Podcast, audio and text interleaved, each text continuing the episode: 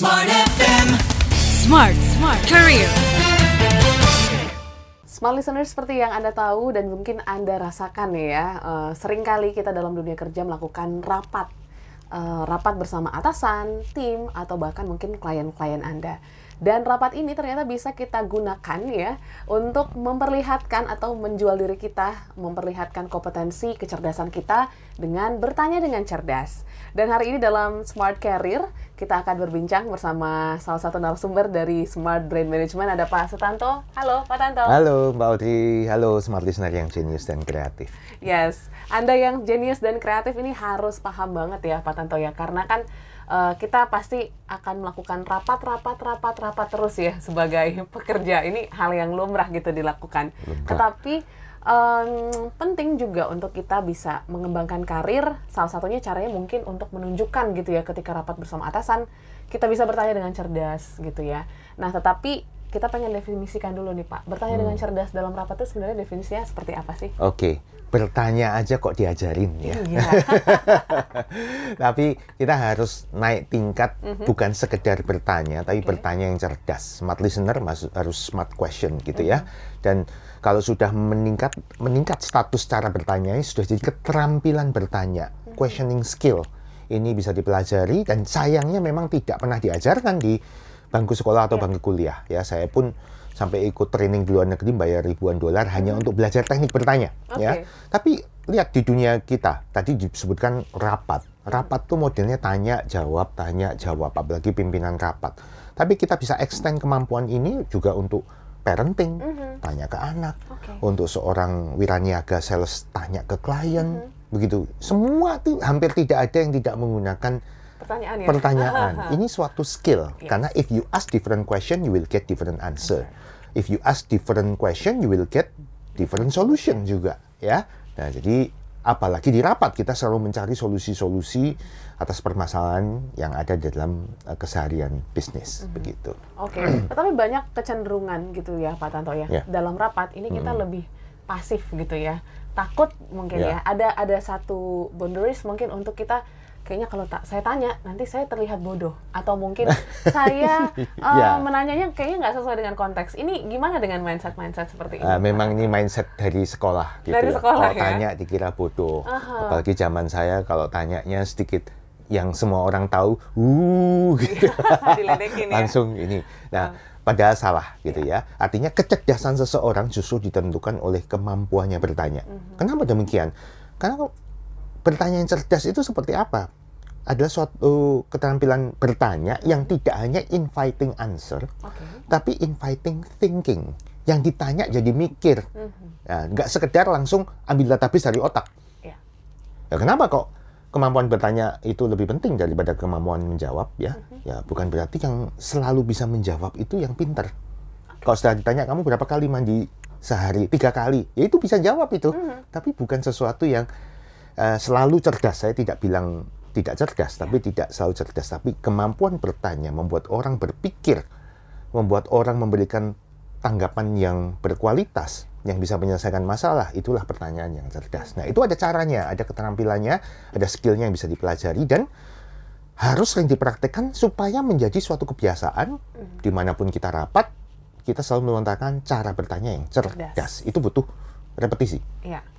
Dulu saya setiap mau bertanya mikir begitu saat rapat uh, juga tanya ke anak gitu. Yes. Lama-lama kita rubah, lama-lama jadi kebiasaan. Okay. Nah, nanti akan saya tunjukkan maksudnya seperti apa yang uh -huh. harus kita jadikan suatu kebiasaan. Uh -huh. Oke, okay, jadi mindset-mindset seperti ini harus dihapus terlebih dahulu supaya kita bisa yeah.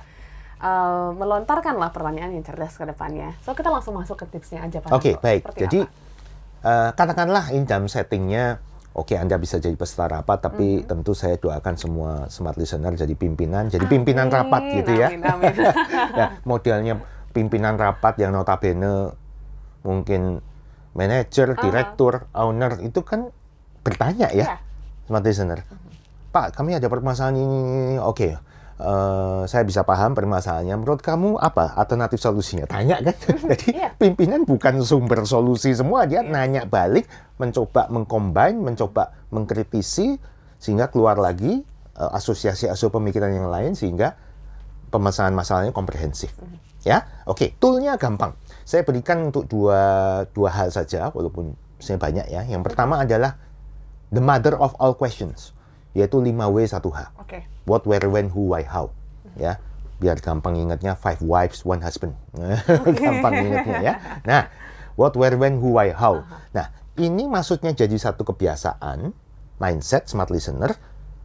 Artinya setiap Anda mimpin rapat, setiap Anda ingin bertanya peserta rapat, Anda harus mencek list. Kata kuncinya checklist bahwa Anda menggunakan 6 tools itu, 5W 1H. What, where, when, who, why, How? Bukan sekelebat yang Anda ingat. Oke. Jadi apa ini? Tapi kapan ini? Tapi eh saya udah bertanya di mana belum? Nah, Saya udah bertanya mengapa belum? Saya udah bertanya kapan belum? Banyak yang dikupas. What? Sesuatu yang berhubungan dengan fakta, dengan data, dengan customer behavior. Itu semua menggunakan what ya. Apakah gitu ya. Lalu where? Where tidak hanya tempat, tapi juga eh, divisi. Divisi apa yang paling eh, apa? Yang berkenaan dengan masalah ini. Iya. Lalu juga wilayah, wilayah itu bisa negara, eh, kota, kabupaten, kecamatan, kelurahan, ya, negara.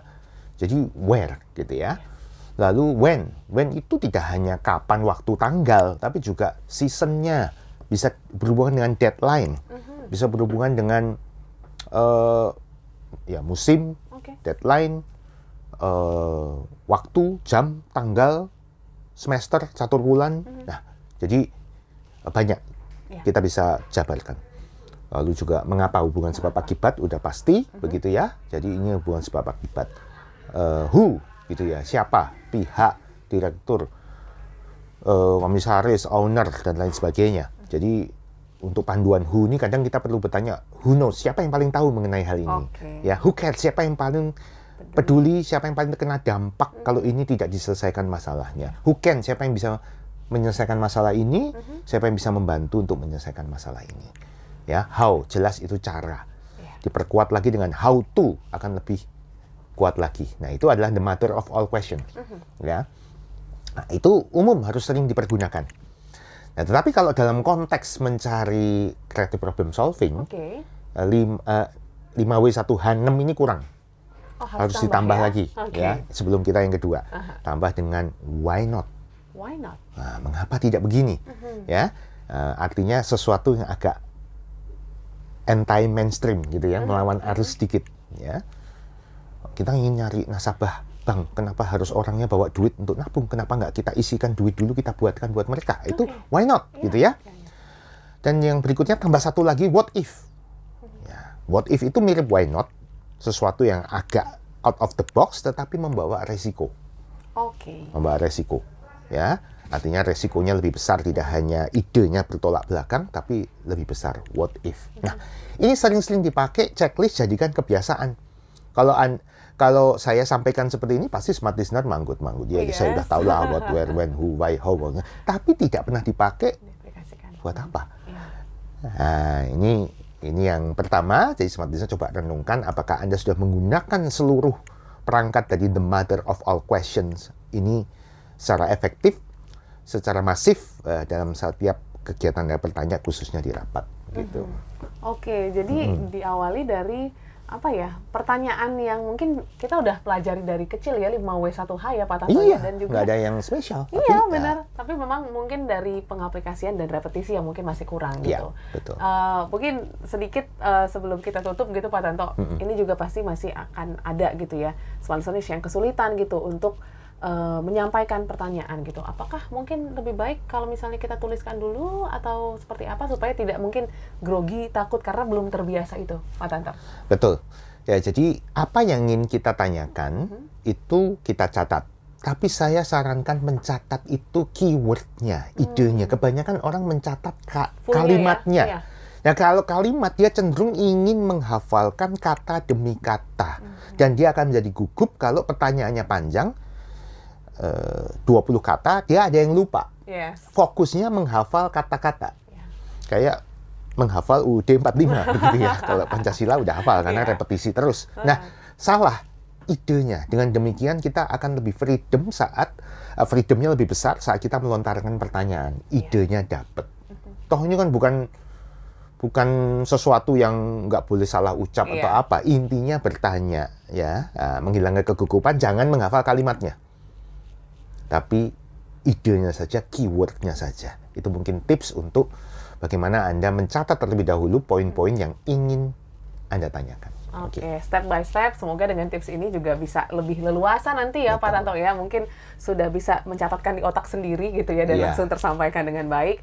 Dan pastinya eh, semoga apa yang anda tanyakan dan keluar dari mulut itu sesuai gitu ya, Eh, tidak keluar dari konteks sehingga karir anda pun bisa terlihat sangat cemerlang gitu ya, mungkin di depan atasan ataupun tim-tim anda. Semoga tips ini bermanfaat, smart listeners, dan nantikan tips-tips lain dalam Smart Career untuk mengembangkan karir Anda menjadi lebih baik lagi ke depannya, sehingga nanti bisa jadi pemimpin rapat ya, seperti yang disampaikan Pak Tanto dan kita aminkan semua. Inilah ujung perbincangan kita dalam Smart Career, kita akan jumpa di episode berikutnya. Sehat-sehat terus Pak Tanto, Oke, dan sama-sama. juga smart listeners, sehat-sehat selalu, sampai jumpa.